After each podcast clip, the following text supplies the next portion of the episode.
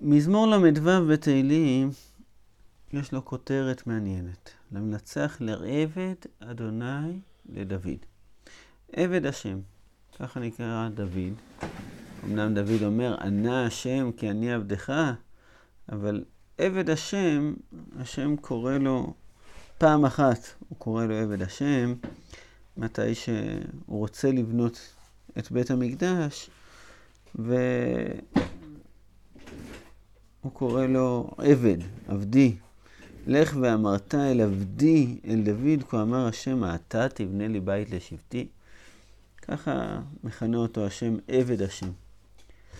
אז נראה שהמזמור הזה באמת קשור לרצון הזה של דוד לבנות את המקדש, ואולי החשש שלו מפני הקריאה הזאת שיבנה המקדש. מה יש במזמור? אז נקרא קודם את המזמור, ננסה להבין את הוויכוח או את שני הצדדים שיש בו. נאום פשע לרשע בקרב ליבי. פשע זה כנראה זה יצור אה, ספרותי, שהפשע הוא המדבר לרשע בקרב ליבי, אולי ליצר הרע שלי, אולי הרשע, הוא מדבר, הרשע החיצוני, אבל הוויכוח מתנהל בקרב ליבי, זה מה שהפשע אומר לרשע. אין פחד אלוהים לנגד עיניו, כי החליק אליו בעיניו, למצוא עוונו לשנוא. דברי פיו אבן ומרמה, חדל להשכיל להיטיב. אבן יחשוב על משכבו, יתייצב על דרך לא טוב, רע לא ימאס. זאת אומרת, הרשע, אין לו פחד, אין לו פחד אלוהים. הוא מחליק אליו בעיניו, הוא מחפש עוונות. הפה שלו מלא אבן, מלא מרמה, מלא שקרים. הוא כבר הפסיק להשכיל להיטיב, הוא לא, לא מנסה אפילו להיות טוב. הוא כל הזמן חושב אפילו על משכבו, הוא מתייצב על דרך לטוב, לא מואס את הרע. היינו מצפים שכנגד הנאום, נאום פשע לרשע, אז יבוא התיאור של הצדיק. התיאורים של הצדיק, או מה, מה הנאום שהשם אומר לצדיק. אבל במקום זה, יש במזמור משהו אחר. ננסה להבין את הדבר האחר שיש כאן. השם, בהשמיים חסדיך, אמונתך עד שחקים, צדקתך כהררי אל, משפטיך תהום רבה, אדם ובהמת הושע השם. אז יש פה קודם כל הצהרת אמונים. הקדוש ברוך הוא, החסד שלך גדול, האמונה שלך עד שחקים, עד השמיים, הצדקה שלך זה ענק, תהום רבה, המשפטים שלך, אדם ובהמת הושע השם. ואז מגיע תיאור, מה יקר חסדך אלוהים ובני אדם בצל כנפיך יחסיון. ירביון מדשן ביתך, נחל אדניך תשכם. כי עמך מקור חיים, באורך נראה אור, משוך חסדך ליודעך וצדקתך לישרי לב. אל תבואני רגל גאווה ויד רשעים אל תנידני. אז בעצם נראה שמול הנאום הזה של פשע לרשע, דוד המלך במזמור פה מתאר את השכר של הצדיקים. איזה יופי. הקדוש ברוך הוא צודק, האמונתו עד שחקים, ההצדקות שהוא עושה זה כהרי אל, משפטיך תאום רבה. והתיאור פה בעצם איך באמת הצדיקים, לא כתוב פה הצדיקים, אבל ישרי הלב, יודעים, הם מקבלים את החסד האלוקי, את צל, צל הכנפיים, את דשן הבית, נחל אדניך. זאת אומרת, אין פה תיאור מה כדאי לצדיק, או למה כדאי לצדיק לעשות ככה וככה, אלא פשוט תיאור של העולם הבא, או השכר הטוב שצפון לצדיקים. שם נפלו פועלי אבן, דוחו ולא יחלוקו. אומרת, באמת בעולם הזה אנחנו לא רואים איזשהו תועלת, איזושהי תועלת שצומחת. מזה שבן אדם צדיק. אבל שם, שם נפלו פועלי אבן, דוחו ולא יכולו קום. שם, במקום הזה של מה יקר חסדך אלוהים, שאנחנו יודעים שזה קורה, אנחנו יודעים שהצדקה שלו כהרי אל משפטך תאום רבה. כשזה יקרה, אז אנחנו נבחין באמת בין הצדיק והרשע. בין הרשע, שבעולם הזה אין, אין פחד אלוהים לנגד עיניו, והוא מרגיש כאילו הכל בסדר.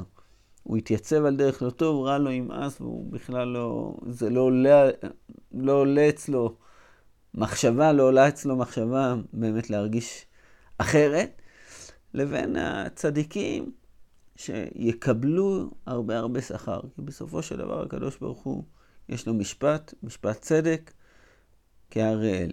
אבל שם נפלו פועלי אבן. קודם זה כנראה לא קורה.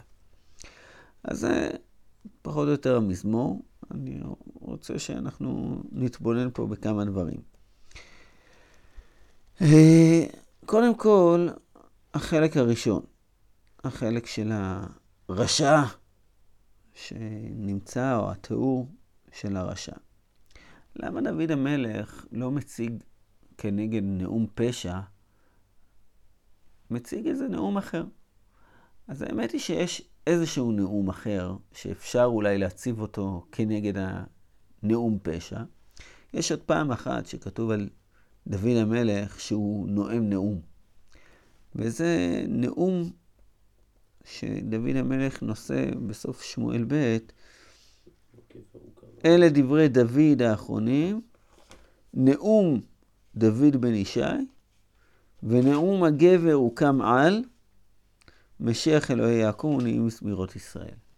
זה נאום של דוד לעומת נאום הפשע שנמצא פה במזמור.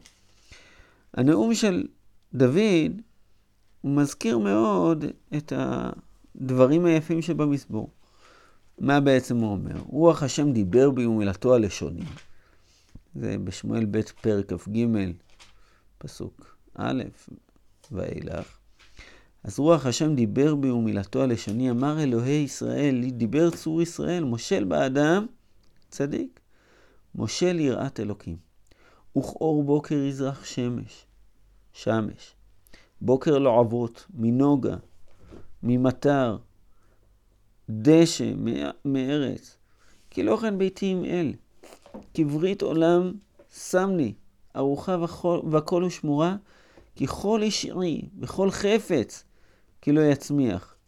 ובלי יעל כקוץ מונד כולם, כי לא ויד ייקחו, ואיש ייגע בהם, ימלא ברזל ועץ חנית ובאש שרוף ישרפו בשבת.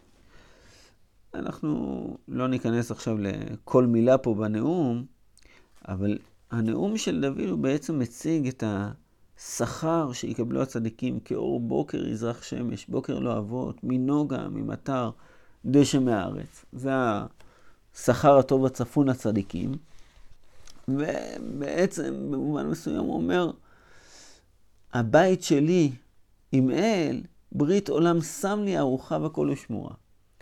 איפה כרת הקדוש ברוך הוא ברית עם דוד, עם ביתו של דוד? הוא כרת את זה במקום הזה של עבד השם לדוד, מתי שהוא קרא לו עבדי אתה, אה, כה תאמר לעבדי לדוד, באמת, אתה לא תבנה את הבית, אבל הבן שלך שיבוא אחריך, הוא יבנה את הבית.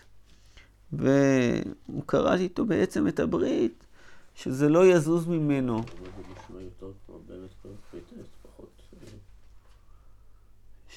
פרק. שמה? כן, לא, הברית נמצאת שם. כן, כן, כן, הברית, הברית נמצאת שם. אבל כאילו, החילוק בעצם, או ההצעה לדוד, הוא אומר לדוד, אני לא אסיר את בריתי ממך כאשר אסירותי מעם שאול. למה שמו לא חסדי ובריתי נאמנת לו? שמתי לה את זרעו חיסוקים שלנו. כן, כן, כן. עכשיו, מה, מה, מה המשמעות? דוד המלך בעצם מתבונן בזה שהקדוש ברוך הוא הסיר את בריתו מעם שאול, אבל ממנו הוא לא יסיר. זאת אומרת, הוא מתבונן בעצם בדבר שהפיל את שאול, בדבר בעצם שב מאחריי, את דבריו, דבריי לא הקים, ולכן ניחמתי כי המלכתי את שאול למלך. ושמואל המלך, אה, שמואל הנביא מוכיח את שאול. הוא אומר לו, באמת, החפץ להשם בעולות הזבחים תשמע בקול השם. הנה שמוע מזבח טוב, להקשיב, מחלב אלים, כי חטאת קסם מרי, ואבן וטרפים אפצר, יען מאסת את דבר השם וימסך ממלך. כן, הקדוש ברוך הוא רוצה שישמעו בקולו. זה, זה, זה הדבר שהקדוש ברוך הוא רוצה, בסופו של דבר. אז עיקר החטא, חטאת קסם, זה המרי, זה המרד שבו. אבן וטרפים, עיקר החטא שמה, זה הפצר, זה ההתעקשות, זה הדבר. יש את הדרשה של חז"ל, זה פסוק כזה שהקימו לה של תשובה. נאום הגבר הוא קם על. כן. כאילו שהוא לא ידע... הוא מוכן... הוא מוכן... אבל הוא משחרר. כן, כן. אה, אה, נראה, קצת נראה שהנאום פשע לרשע בקרב לי- ליבי, זה הנאום שדוד המלך שומע על עצמו. באמת, יש, יש לו צד כזה. זה לא נאום לרשע החיצוני שנמצא שם, אלא באמת יש לו צד שהוא ממש מפחד וחושש שהדבר הזה יקרה לו, שבאמת הוא, הוא ייפול, הוא יחליק אה, אה, דברי פיו, אבן הוא חדל להשכיל להיטיב, אבן יחשוב על משכבו, יתייצב על דרך לא טוב, רע לא ימאס. ואז, אם זה יקרה הדבר הזה, אז חס ושלום הוא עלול ליפול. וכאילו דוד המלך מחזק, הוא מחזק את עצמו ואומר, לא, אני לא אפול. אני, צדקתך כאראל, ואני יודע את הדבר הזה, משפטיך דום רבה, ואני אזכה להגיע עד למקום הזה של מה יקרא חסדך אלוהים, נעצם צל כנפיך יחסיון, ערביון מדשן ביתך. זה הדבר שאני ממש רוצה להגיע אליו. זה, זה המזמור שלנו. בעצם דוד המלך אומר, אני לא רוצה ליפול, אני לא אפול, אני עבד השם. אה? אל. אל תבואני רגל גאווה, כן, כן, אני, אני עבד השם, אני רוצה להישאר עבד השם. ובעצם זה הנאום של דוד, אם אפשר לומר, הנאום של דוד, מול הנאום של הפשע, כן, אנחנו מחפשים באמת כאור בוקר יזרח שמש, בוקר לא עברות. זה דבר שירוויון מדי שמתך במזמור שלנו, נחלת עיניך תשכם. עמך מקור חיים. אה, נראה שהתיאור פה, באמת יש שוויון בעצם בין החלק הראשון, שבו נאום פשע לרשע בקרב ליבי, והחלק השני שבו מתואר החסד שהקדוש ברוך הוא משפיע על בני אדם. ובעצם זה הדבר ש... דוד המלך מבקש שלא תבוא רגל גאווה, יד הרשעים לא תזיז אותו. זה, הוא, הוא, הוא מפחד, אבל הוא גם מתפלל. הוא מתפלל בקרב ליבו שרגל הגאווה לא תבוא אליו, יד הרשעים לא תזיז אותו. ובעצם דוד המלך מסיים את המזמור ואומר, שם נפלו פועלי אבן, דוחו ולא יוכלו קום. שם, בצורה פשוטה, בפשוטו של מזמור, זה נראה ששם, כשהצדיקים יקבלו את ה... שכר, אז באמת שם גם הרשעים ייפלו. אבל יכול להיות שיש פה גם משהו ששם נפלו פועלי אבן, שם כשהם יכירו בעצם הפער בין הנאום פשע לרשע לבין נאום דוד, שם נפלו פועלי אבן.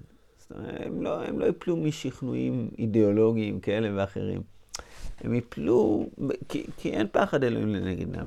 כש, כשהרשע נמצא בעצם בתוך החטא, והוא לא, בכלל לא מדבר אליו שום דבר. אבל כשהוא רואה בבהירות את המשפטים ואת הצדקות הענקיות של הקדוש ברוך הוא, שבסופו של דבר זה מה שהקדוש ברוך הוא פשוט נותן לצדיקים, נותן שכר טוב, נותן לישרי הלב. שם נפלו פועלי האבן. הנפילה של פועלי האבן היא בהכרה בזה שהצדיקים זה רצון השם. זה הנפילה הגדולה של הרשע. בעזרת השם, שנזכה ש... להיות מהעולים ולא מהנופלים.